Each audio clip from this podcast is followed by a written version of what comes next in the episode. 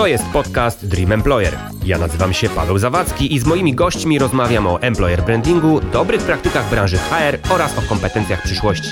Partnerem serii jest Brief.pl oraz agencja Większe Logo. Zapraszam. To jest podcast Dream Employer. Ten odcinek nagrywamy w wyjątkowych okolicznościach e, wielu ograniczeń w okresie pandemii koronawirusa, dlatego rozmawiamy przez Skype'a. Dziś moim gościem jest Paulina Mazur, która promuje odpowiedzialny employer branding, łączenie HR-u z marketingiem oraz komunikację i współpracę między pokoleniami. Cześć, witaj.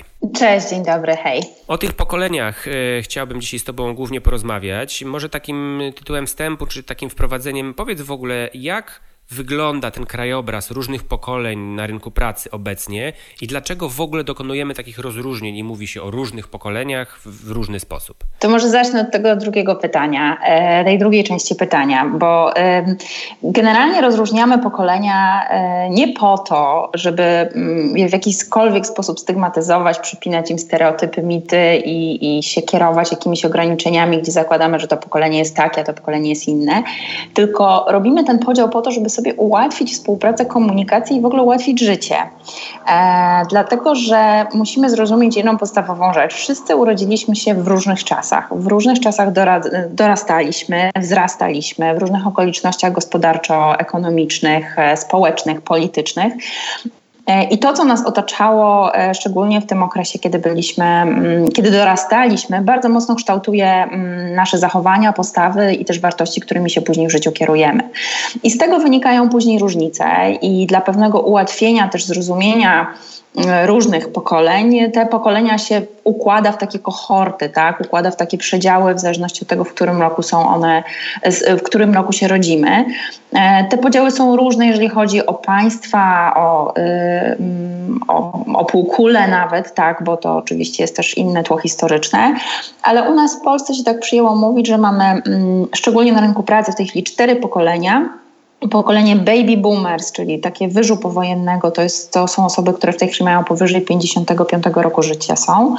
E, pokolenie X, 40-55-letnie. Pokolenie e, Y, czyli tak zwani milenialsi, to są osoby tak naprawdę od... E, 25 do 40 roku życia, więc to jest najbardziej taki e, szeroki przedział. I pokolenie Z, najmłodsze pokolenie, które wchodzi w tej chwili na rynek, czyli takie osoby poniżej 24 roku życia. Mamy już też zdefiniowane mm, pokolenie alfa, to są osoby poniżej 8 roku życia, natomiast one, ponieważ jeszcze na rynek pracy nie wchodzą, no to nie są jeszcze takie, takim zainteresowaniem pracodawców objęte. Ale tak to wygląda w skrócie, czyli mamy pokolenie Z, mamy pokolenie milenialsów, Y, X oraz B baby. e, boomersów. I tak przywykliśmy się mm, też w literaturze i w mediach posługiwać takim podziałem po to, żeby w jakiś sposób ludzi sobie skwalifikować, zakwalifikować do pewnych grup kohort wiekowych, e, ale powtarzam, robimy to dla pewnego ułatwienia, bo ja też bardzo mocno walczę z pewnymi mitami, stereotypami, które się potem przypina do tych poszczególnych pokoleń i mówi, że nie, milenialsi to są leniwi, a baby boomersi to są nietechnologiczni, tak? Co jest całkowitym nieporozumieniem i nieprawdą. E, i z tymi też stereotypami bardzo mocno walczę. E, ale te pokolenia mają jednak znaczenia, bo ma znaczenie to, no mówię, w jakich okolicznościach wzrastaliśmy, czy mieliśmy ten dostęp do internetu, czy bawiliśmy się na trzepaku, to wszystko nas jednak mimo wszystko mm, dzisiaj różnicuje też w miejscach pracy. No i to jest właśnie bardzo ciekawe, co powiedziałaś, bo po pierwsze dzięki za to podsumowanie i, i ułożenie, jak, w którym wieku y, są obecnie różne grupy. Natomiast no, dorastaliśmy w różnych czasach, bawiliśmy się w różny sposób, mieliśmy dostęp do różnych technologii, natomiast na rynku pracy wchodzimy do tego samego pomieszczenia, czy tego samego pracodawcy i nagle te różnice troszeczkę się wypłaszczają ze względu na wspólny cel organizacji, albo na wspólny cel firmowy, albo ze względu na różne procesy, które przecież w większości organizacji są dość podobne, niezależnie od tego, czy jesteśmy z pokolenia tego czy tamtego. I teraz, y, jak to y, z Twojej perspektywy, czy z Twojego doświadczenia wygląda w takich organizacjach? Ty y, używasz, bardzo mi się podoba takiego stwierdzenia, bardzo dużo dużo w Twoich materiałach, odpowiedzialny, odpowiedzialny employer branding, odpowiedzialna komunikacja między pokoleniami. E, czy to jest tak, że to na pracodawcy ciąży ta odpowiedzialność za stworzenie takiego miejsca pracy, żeby zarówno osoby z jednej strony, tego, nie, te starsze, jak i te młodsze, mogły w tej jednej organizacji sobie jakoś razem trwać, pracować, iść w jedną stronę? Jak, jak Ty patrzysz na tę organizację i te procesy? Wiesz co, ja, e, ja patrzę trochę na to z punktów, e, z dwóch takich perspektyw. Po pierwsze, my wyjścia nie mamy tak, jako pracodawcy. Dlatego, że e, no, na rynku pracy są różne pokolenia i nawet jak spojrzeć się w tej chwili na strukturę demograficzną, szczególnie w Polsce, tych kandydatów z pokolenia Z jest coraz mniej, bo my wchodzimy w fazę niżu demograficznego. Mamy mm, bardzo dużą liczbę kandydatów niepracujących w wieku 50 plus i 60 plus. Ogromne zasoby siły roboczej, która w tej chwili jest tak na dobrą sprawę niedotykana przez pracodawców, a połowa e, pracowników w ogóle w wieku 50 plus już wspomina, że spotkała się z dyskryminacją w procesach rekrutacyjnych. Zresztą jak spojrzysz na kampanie e, rekrutacyjne czy na ogłoszenia rekrutacyjne, e, które się pojawiają na rynku, tam zazwyczaj zarówno kreacja, jak i treści są skierowane jednak mimo wszystko do młodszych pokoleń. Są, e, cały czas powtarza się slogan rekrutujemy do młodego, dynamicznego zespołu, tak? Co jakby z punktu widzenia pracownika 50 plus jest po prostu śmieszne i absurdalne i nie jest w porządku też, tak? Owszem, jest coraz więcej firm i branż, które się też budzą i już widzą, że ok, pracownicy typu 20-30 to jest pewien deficyt w tej chwili, tych osób jest mało, trzeba się skierować w kierunku 40-50, e, a nawet 60 plus. Natomiast teraz wyzwaniem jest stworzenie pewnego środowiska w pracy, w którym te wszystkie pokolenia dobrze ze sobą współpracują. Bo owszem, zazwyczaj mamy podobne procedury, te same cele w organizacji, ale mamy jednak mimo wszystko inne style pracy. I tak jak 50-parolatek jest bardziej chętny do spotykania się, do omawiania pewnych rzeczy, tak dwudziestoparolatek już nie widzi takiej potrzeby, bo uważa, że jest w stanie wszystko załatwić SMS-em albo na Messengerze czy na Slacku. E, no i to jest niby z pozoru taka drobna różnica, ale są badania, które wskazują, że tak naprawdę 70% konfliktów, które mamy w organizacjach i w miejscu pracy, są na tle właśnie pokoleniowym, bo gdzieś ktoś się nie zrozumiał, bo przychodzi stażysta, na którego wszyscy wzruszają ramionami, że jest młody i roszczeniowy. E, starszy pracownik chce się zaangażować w jakiś projekt e, dotyczący chociażby wprowadzenia innowacji zaraz młodsi reagują, że nie będzie nam tu starszy mówił, co my mamy robić. I zaczyna się cały taki zupełnie niepotrzebny konflikt międzypokoleniowy, który e, i tutaj odpowiedzialność spoczywa na pracodawcę, w szczególności na liderach organizacji, żeby stwarzać takie warunki i takie środowisko do komunikacji, żeby te pokolenia dostrzegały szanse, a nie ograniczenia w tym, że jesteśmy z różnych pokoleń i czerpały z tego.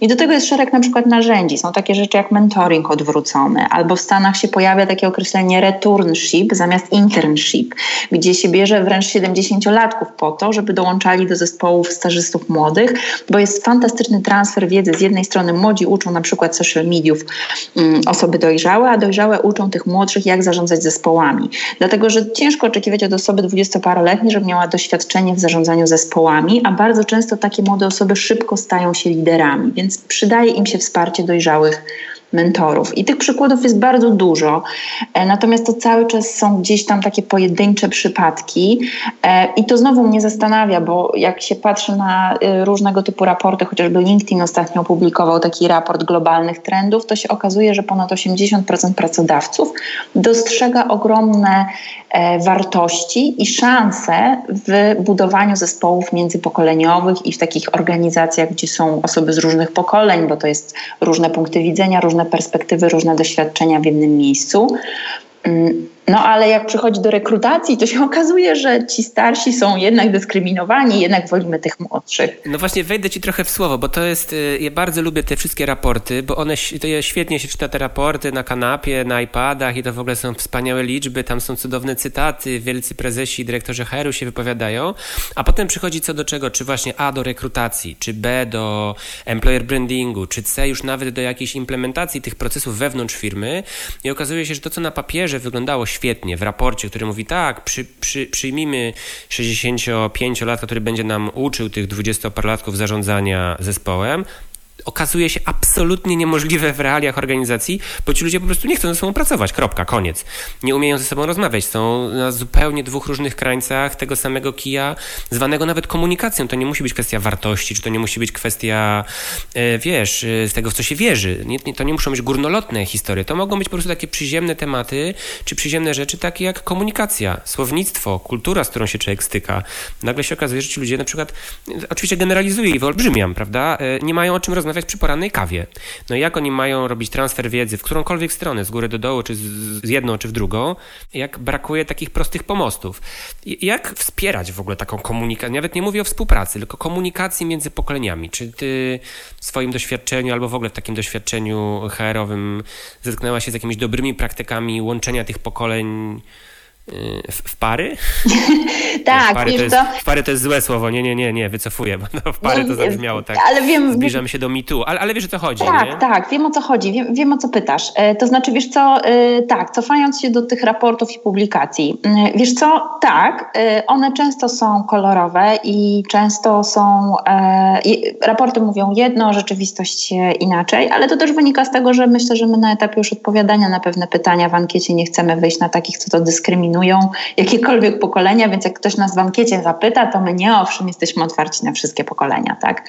A potem rzeczywistość to niestety e, weryfikuje, bo kierujemy się uprzedzeniami i kierujemy się stereotypami, ale ja tym bardziej uważam, że te raporty są ważne, dlatego że e, to, że ZUS publikuje, że najczęściej na L4 chodzą 30-parolatkowie, a ostatnio Human Power zrobił raport, w którym pokazał, że 50-parolatkowie są najbardziej skupieni i najbardziej efektywni w pracy, to to są dane, które tak naprawdę są w stanie zaprzeczyć pewnym stereotypom i uprzedzeniom, w których my żyjemy. Jeżeli my nie będziemy tych danych promować i ich pokazywać, no to ciężko nam będzie zmienić tak na dobrą sprawę ten mindset, który jest u tego pracodawcy, który sobie myśli, że a dobra, stary to się nie zna na Facebooku, nie? Co jest nieprawdą. E, e, natomiast jeżeli chodzi o takie konkretne wydarzenia, ja owszem, bardzo często robiłam takie projekty, e, nawet na zaproszenie powiatowych urzędów pracy, wyobraź sobie, w mniejszych miejscowościach, gdzie z, e, z małymi, średnimi przedsiębiorstwami, z właścicielami i, i, i, założycielami takich też przedsiębiorstw, często produkcyjnych, e, prowadziliśmy debaty tak naprawdę. To, to się zawsze wszystko zaczyna od rozmowy i zaczyna się od pewnej debaty, która się bardzo często zaczyna takim sformułowaniem, no nie, ci młodzi to muszą się nauczyć albo dorosnąć, rosnąć, bo z nimi się nie da pracować. Tak, to ja A się z tym też spotkałem tak. w różnych dziwnych miejscach, taki finger pointing, po prostu ci młodzi są temu wszystkiemu winni i muszą, jak oni się zmienią, to my się możemy wtedy do nich dostosować. No właśnie, wiesz co, ja mi się ciśnie na usta wtedy takie pytanie, a kto ich tak wychował? No, to wiadomo, tak. Prawda? Więc y, nie zwalajmy winy na nich, bo niestety to jakby rodzice zazwyczaj są i społeczeństwo za to odpowiedzialni, że tacy ci młodzi są. Natomiast my często tak rozmowę zaczynamy, a kończymy ją w taki sposób, że okej, okay, no to może w takim razie powinniśmy na produkcji zrobić częstsze przerwy po to, żeby ci młodzi mogli sobie tego Facebooka sprawdzić a nie kitrać się gdzieś tam pod stołem, że oni muszą tego Facebooka sprawdzić. Oni po prostu mają taką potrzebę, trzeba to wziąć i z tym żyć. I tak zmienić pewne e, procedury, czy też nawet procesy w firmach, żeby oni mogli to robić. Tak, tu oczywiście upraszczam kwestię sprawdzania Facebooka, ale to chodzi o różne rzeczy i to chodzi też o to, żeby pracodawca tak naprawdę elastycznie podszedł do tego, że to się po prostu zmieniło. I przykro mi, drogi pracodawco, ale ty nie masz wyboru. Tacy ludzie w tej chwili są, tak się zmienili, takie mają oczekiwania i potrzeby.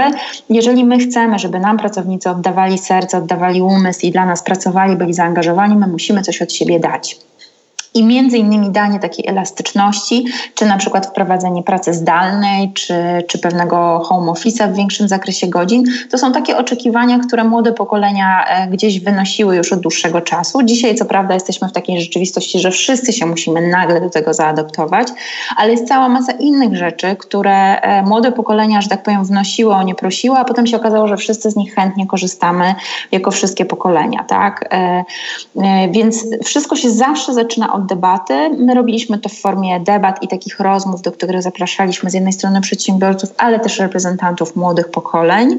I tak na dobrą sprawę taką moderowaną debatą można bardzo fajnie zacząć projekty, które potem robimy już u przedsiębiorców i w określonych firmach, gdzie przyglądamy się tak naprawdę istniejącym procedurom, istniejącej komunikacji wewnętrznej, mm, istniejącym instrukcjom, regulaminom, wszystkiemu temu, co wpływa na to, jak tobie się w danej organizacji pracuje i sprawdzamy, czy to się sprawdza do tych pokoleń, które w danym momencie w organizacji pracują. Bo bardzo często masz regulaminy i procedury w firmach opisane, które były napisane lat 10 temu, kiedy średnia wieku pracowników wynosiła X, a dzisiaj ta średnia wieków pracowników wynosi Z i zupełnie są regulaminy chociażby i procedury do zmiany, tak? I, i, i można to zrobić. E, ja też zachęcam do tego, żeby dostrzegać w tym, co mówią młode pokolenia, pewną szansę, bo młodzi mają taką tendencję też, że oni przychodzą często do organizacji i mówią, a to jest bez sensu, ja bym to zrobił inaczej. I niestety wielu liderów, wielu menedżerów i przełożonych ma taką tendencję do ucinania tej rozmowy. Zostaw, tak było zawsze, tak ma być, tak robimy, tak jest dobrze to nie jest dobra droga, bo tak naprawdę warto by było dostrzec w tym nowym spojrzeniu e, pewną szansę, bo to są często okazje do automatyzacji, a wręcz przychodzi młody i ci mówi: Zobacz, tu jest aplikacja, która ci załatwia ten temat. I nie ma potrzeby robienia nie wiadomo ilu kroków w tak prostej czynności, prawda? I nagle się okazuje, że to ten młody człowiek jest e, źródłem innowacji dla organizacji, tak, i wprowadza zmianę. Tylko trzeba zacząć słuchać. No ja właśnie spotkałem się bardzo często z takimi opracowaniami, że ci młodsi wykonują dokładnie tą samą pracę, ale robią ją sprytniej, bardziej zaradnie, bo mają dostęp czy świadomość narzędzi tak. albo procesów, tak. albo znają aplikacje, albo znają produkty, które nie są w żaden sposób odkrywcze, ale po prostu ułatwiają pracę. Tylko, że y, tak sobie teraz myślę, powiedziałaś o tym, że wchodzisz do organizacji, robisz debatę, ja sobie wyobrażam to tak, że nie wiem, przede mną na przykład duży proces albo duży projekt, tak? Zbieram moich pracowników i sprawdzam, jak mogę ułożyć y, procesy, czy jak mogę ułożyć zespół, niezależnie od tego, kto ile ma lat, tak żeby każdy spełniał się w tym najlepiej jak potrafi. Jeśli ktoś potrzebuje, tak jak powiedziałeś, sprawdzać tego Facebooka co 15 minut i pracować zdalnie, spoko. A jak ktoś potrzebuje pracować 8-16, też spoko, tylko każdy musi wiedzieć, do czego jest y, jakby przyklejony, do, której z tych, y, do którego z tych procesów jest przyklejony, tylko to jest olbrzymia odpowiedzialność pracodawcy, bo on musi, nagle się może okazać, że musi stworzyć co najmniej cztery różne ścieżki funkcjonowania w danym projekcie, no bo powiedziałeś na początku, że mamy cztery różne y, grupy pokoleniowe, czyli ja zakładam, że jak mam różne, wszystkie cztery pokolenia, to dla wszystkich tych czterech pokoleń muszę stworzyć cztery odrębne zestawy zachowań, czy procedur, czy mhm. e, wiesz, wytycznych, nie? No i teraz... E, no właśnie nie. Mam pewne wątpliwości, czy tak się dzieje. Przypuszczam, że nikt nie ma na to czasu, e, a, a może jest jakiś bardziej efektywny sposób? No zdecydowanie tak. To znaczy to też nie jest tak, że ja zachęcam do tego, żeby robić te cztery ścieżki. Nie, to już byłoby w jakimś takim układzie skrajnym i tak naprawdę gdybyśmy przyjęli, że robimy cztery różne ścieżki, to by prowadziło tylko jeszcze do pogłębienia naszych podziałów, no bo jak każdego wstawisz na inny tryb, na inną ścieżkę, no to de facto znowu jeszcze tylko pogłębiasz pogłębiasz poddziały, podziały. Odpowiedzialność będzie polegała w tym przypadku też jeszcze na innej kwestii, na zastrzeżeniu podobieństw.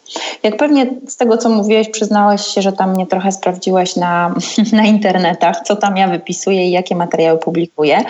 Ja e, bardzo mocno promuję podejście dotyczące podobieństw pokoleniowych, ponieważ my gdzieś w tym zagalopowaniu się w te różnice i w to, że nie wiem, e, milenialsi potrzebują e, grywalizacji w procesie rekrutacji, żeby się dobrze bawić, e, a inne pokolenia potrzebują czegoś tam jeszcze innego. My zapomnieliśmy, bardzo często niestety zapominamy, że i millennials, i Zetka, i baby boomers to jest na koniec dnia człowiek.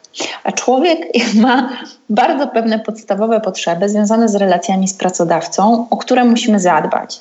I ja też przyglądając się temu wszystkiemu, bardzo szybko, y, przyglądając się nawet wszelkim właśnie tym raportom dotyczącym pokoleń i też na bazie swoich doświadczeń, bo ja przez 15 lat pracowałam zarówno ze studentami, jak i z dojrzałymi pokoleniami i robiłam właśnie eventy, na których oni przychodzili razem i się od siebie uczyli, tak? I, i się sobą inspirowali.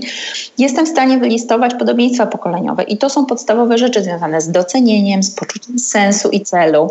Docenienie to jest pierwsza rzecz. Zwykłe dziękuję. 80% z nas chciałoby słyszeć słowo dziękuję i to nie ma znaczenia, z jakiego jesteśmy pokolenia.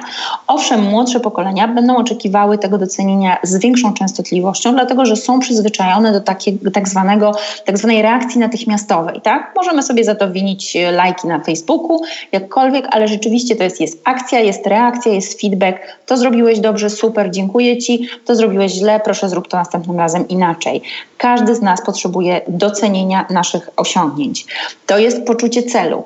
Często jest tak, że młode pokolenia mm, odchodzą z pracy bardzo szybko i my narzekamy, że oni potrafią się po tygodniu w organizacji nie pojawić. Często wynika to z tego, że nie mają wytłumaczonego, po co w ogóle pracują i jaki jest cel tej pracy. E, starsze pokolenia szczęśliwie mają już to poczucie sensu i celu, dlatego że już przez tyle lat będąc w swoim środowisku zawodowym, każdy z nas sobie to wyszukuje, tak? ale nadal to wszystkich pokoleń dotyczy, wszyscy potrzebujemy mieć to poczucie sensu, celu, chcemy, żeby ktoś nam wytłumaczył, po co dane rzeczy robimy. Równowaga między życiem zawodowym a prywatnym. Zrównoważenie pracy i życia prywatnego. To nie jest tak, że to tylko tylko młode pokolenia sobie wymyśliły work-life balance i o niego wojowały, bo wszystkie pokolenia tego potrzebują, tego oczekują. Jeżeli sobie przejrzysz chociażby raporty dotyczące liczby przepracowanych godzin w tygodniu, to wszyscy wpadliśmy gdzieś w jakieś e, nadgodziny, niezależnie od młodych czy starszych pokoleń, a milenialsi już w szczególności to są pokolenia, które pracują po 50 godzin tygodniowo. To nie jest zdrowe i tego nikomu nie pomaga.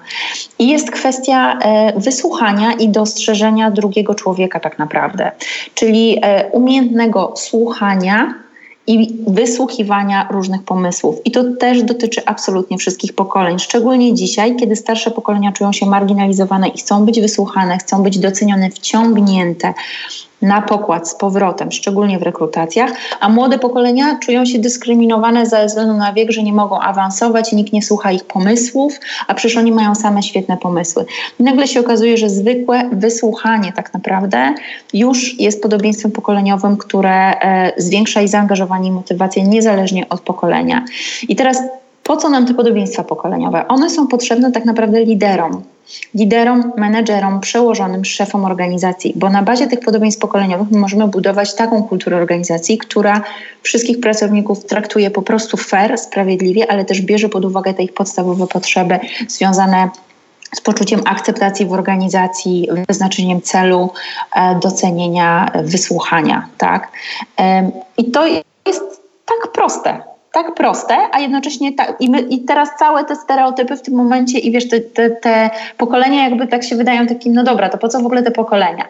Te pokolenia nam są po to potrzebne, że potem jak mamy zdefiniowane pod, te podobieństwa, to się zastanawiamy, ok, dobra, to bierzemy sobie docenienie. To jak to docenienie będziemy pokazywać komuś z pokolenia Z, a jak komuś z pokolenia baby boomers? Załóżmy, że mamy w organizacji świadomego lidera, który obejrzał twój TEDx, przeczytał cztery raporty, zna te różnice pokoleniowe, dostrzega te podobieństwa i chciałby rozwijać potencjał swoich pracowników, a ma na przykład dwie albo trzy różne grupy wiekowe czy pokoleniowe. Co byś zalecała, albo co byś radziła, albo w jakim kierunku byś takiego lidera popchnęła, żeby robił to odpowiedzialnie i efektywnie, wiedząc, że ma pod sobą kilka różnych pokoleń, ale jest oczywiście takim świadomym liderem, no bo zakładamy, że rozwija się, czyta, doszkala i, i, i widzi te różnice. W idealnym świecie to taki lider byłby skupiony na rozwijaniu każdej osoby w sposób indywidualny, tak? A jeżeli mówimy już o konkretnych narzędziach, to dlatego to coraz bardziej powszechne są te formuły kafeteryjne, gdzie dajemy pracownikom możliwość wyboru, tak na dobrą sprawę, takich szkoleń i metod rozwoju, jakie są dla nich najbardziej interesujące. A mając potencjał kilku pokoleń w organizacji, to aż się prosi o to, żeby właśnie zorganizować mentoringi odwrócone e, albo grupy mieszane, e, które by służyły wzajemnej wymianie, że tak powiem, doświadczeń, gdzie młodsi będą się mogli uczyć od starszych, a starsi od młodszych. Okej. Okay. Wiesz, bo po prostu yy, zastanawiam się i bardzo łatwo jest mówić, że wiesz, są liderzy i ci liderzy, jakby zrzucić tą winę na tych liderów, nie? że ci liderzy muszą się nauczyć, że oni muszą się otworzyć, ale, ale, ale z drugiej strony mamy bardzo dużo świadomych, otwartych liderów, którzy są naprawdę takimi, takimi fajnymi przywódcami nie?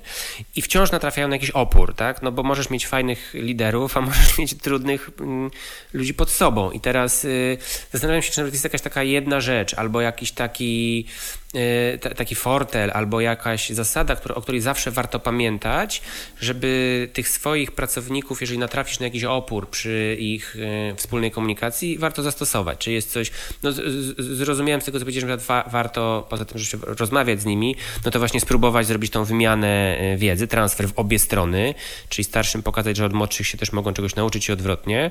Jest coś jeszcze, co ci, co ci przychodzi do głowy, albo co proponujesz lub oferujesz tam w różnych swoich yy, modelach, jak pracujesz z firmami, czy organizacjami, czy zespołami? Mm, wiesz co, ja też czasami współpracuję, robię sesje mentoringowe dla właścicieli firm albo dla menedżerów i zazwyczaj wtedy rozmawiamy o już konkretnych case'ach i przypadkach, z jakimi oni się mierzą w swoich, w swoich jakby zespołach. E, I bardzo często e, oprócz takich podstawowych rzeczy związanych już po prostu z zarządzaniem, to jest też zwrócenie uwagi na, e, ja na to mówię, uruchomienie ciekawości. Czyli jeżeli napotykasz opór, nie wiem, miałam taki case ostatnio z jednym z liderów, zorganizował wyjście, słuchaj, integracyjne, mm, bo ma młody zespół, kręgle. I wszyscy byli tak, chcemy iść na wyjście integracyjne, chcemy wyjścia integracyjnego. No dobra, to on zorganizował kręgle i na te kręgle praktycznie nikt się w efekcie, nikt się na tych kręglach praktycznie nie pojawił. No i on do mnie zadzwonił cały taki rozżalony, że co ja mam zrobić, sami chcieli te kręgle, a na te kręgle nie przyszli, że w ogóle jakie to jest niewdzięczne to pokolenie. Ja mówię, okej okay, Marcin, a czy ty ich zapytałeś dlaczego nie przyszli? Może był jakiś powód, może słuchaj, zrobiłeś te kręgle tego dnia, kiedy nie wiem, były rozgrywki jakiejś gry komputerowej albo jakiś premiera na Netflixie czegoś super, hiper ważnego. No nie wiem. Być może po prostu coś nie zagrało, ale to też nie chodzi o to, żeby za nich pewne rzeczy robić ale e, żeby też dać im pewne rzeczy zrobić. Inną taką radą, którą e, ostatnio e, rozmawiałam z Marianną, taką z kolei właścicielką trzech sklepów, ona też ma bardzo dużo pracowników młodych i też rozmawiałyśmy na ten temat, jak tych ludzi zaangażować. I ja słucham, jak ona mi opowiada, jak zarządza tym zespołem i ja mówię, jak chcesz zaangażować ludzi, skoro wszystko robisz za nich? albo mówisz im, co mają zrobić i jak mają obsługiwać klientów. Odwróć tą sytuację i zapytaj się ich, co ty uważasz, że sprawi, że klient wyjdzie zadowolony ze sklepu? Jak, powinien, jak powinniśmy obsługiwać klientów, żeby wychodzili zadowoleni ze sklepu? A nie mów im, jak mają to robić. To akurat w przypadku szczególnie młodego pokolenia jest istotne, bo to pokolenie jest bardzo dorosłe. Ono się bardzo czuje dorosłe. Dzisiejsza 16-17-latka to jest zupełnie co innego niż 20 lat temu 17-latka. To jest pokolenie, które oczekuje partnerskich relacji, okazania szacunku i na pewno żadnego mikrozarządzania, ani takiej nadmiernej kontroli. Znowu odwołując się do badań, ale one nam bardzo dużo dają. Pokolenie Z pytane właśnie o to, za co się najczęściej obraża, że tak powiem w cudzysłowie, na starsze pokolenia, to jest za okazanie braku zaufania. E, I to jest też coś, czym też jakby menedżerowie mogą w jakiś sposób świadomie sobie zarządzać. Jeżeli wiesz, że te młodsze pokolenia są szczególnie wrażliwe i potrzebują tego okazania samodzielności, chcą sami podejmować decyzje, chcą sami wymyślać różne koncepcje, to trzeba im po prostu stworzyć do tego pewną, e, pewną przestrzeń, tak? I często też oddać tę odpowiedzialność, czyli zapytać dlaczego. Ja też sobie zdaję sprawę z tego, że my nie jesteśmy w stanie nagle stażystom oddać zarządzania nad całą spółką, ale my jesteśmy w stanie dać im na przykład przykład przestrzeń, podajcie, jakie macie pomysły na wprowadzenie innowacji. Wysłuchać przynajmniej, docenić, że o fajnie, że podajesz w ogóle pomysł. Traktować jak partnerów, też nie traktować z góry. I to znowu działa w obie strony, bo to jest właśnie to poczucie takiej dyskryminacji.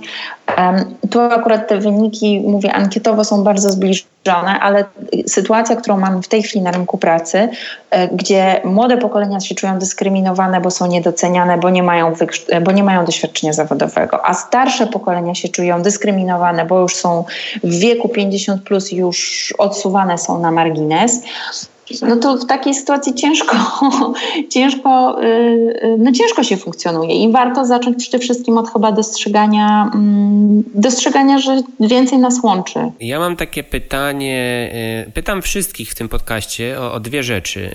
Pierwszą z nich jest taka wzniosła sprawa, kim jest idealny pracownik przyszłości? No i teraz oczywiście rozmawiamy w czasach, w których nie mamy pojęcia, jak będzie wyglądała przyszłość i nie wiemy w ogóle, jak będzie wyglądał rynek pracy. No ale może spróbowalibyśmy pokusić się na, o, o odpowiedź na to pytanie. Kim byłby ten idealny pracownik właśnie w kontekście tego pokolenia? Czyli z którego czy z jakiego pokolenia według Ciebie wywodziłby się taki wiesz, idealny pracownik? Bo zakładam, że każda z tych grup ma swoje, wiesz, mocne i słabe strony, reaguje w pewien sposób na to, co się dzieje dookoła, na pewne procesy w firmie. Czy, czy, czy ty byś się pokusiła w ogóle o powiedzenie, że idealny pracownik przyszłości to jest osoba z pewnej grupy wiekowej, czy z pewnego kręgu, czy jednak łączyłabyś to z jakąś kompetencją przyszłości i jakbyśmy się tak mieli pobawić jakiegoś takiego mojego futurologa, to co byś powiedziała? Fajne pytanie bardzo. W kontekście pokoleń e, to idealnym pracownikiem byłby mieszaniec pokoleniowy. O, okej. Okay. taki Benjamin Button, tak? Ma 65 ale lat, ale co, wygląda jako 18 lat jakby no, każdy z nas jest mieszańcem pokoleniowym, wiesz, bo mm, z jednej strony my sobie te pokolenia kwalifikujemy, mm, ale z drugiej strony każdy z nas się uczy od innych i każdy z nas się uczy od innych, od różnych pokoleń, tak? Tak jak ty się uczyłeś, czy ja od rodziców, czy od dziadków i też od młodszych osób, to wszyscy na nas robią wrażenie i powodują, że my też pewne rzeczy w sobie zmieniamy, więc wszyscy jesteśmy mieszańcami.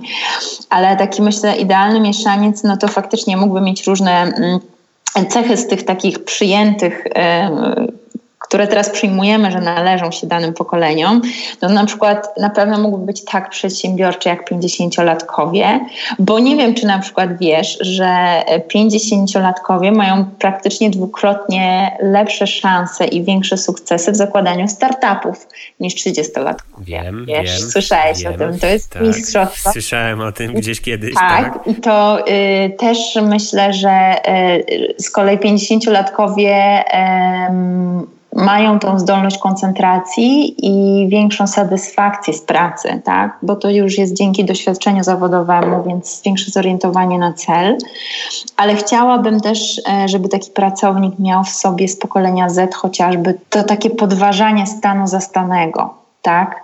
Czyli to takie kwestionowanie tego, co spotykamy. Krytyczne myślenie, które jest y, kompetencją przyszłości, jest szczególnie nam teraz potrzebne, to chyba bym przypisała najbardziej do pokolenia X, czyli obecnie 40-parolatkowie. To są osoby dość mocno krytycznie nastawione i to bardzo dobrze. Też jakoś tak nie przyjmują wszystkich wiadomości od razu.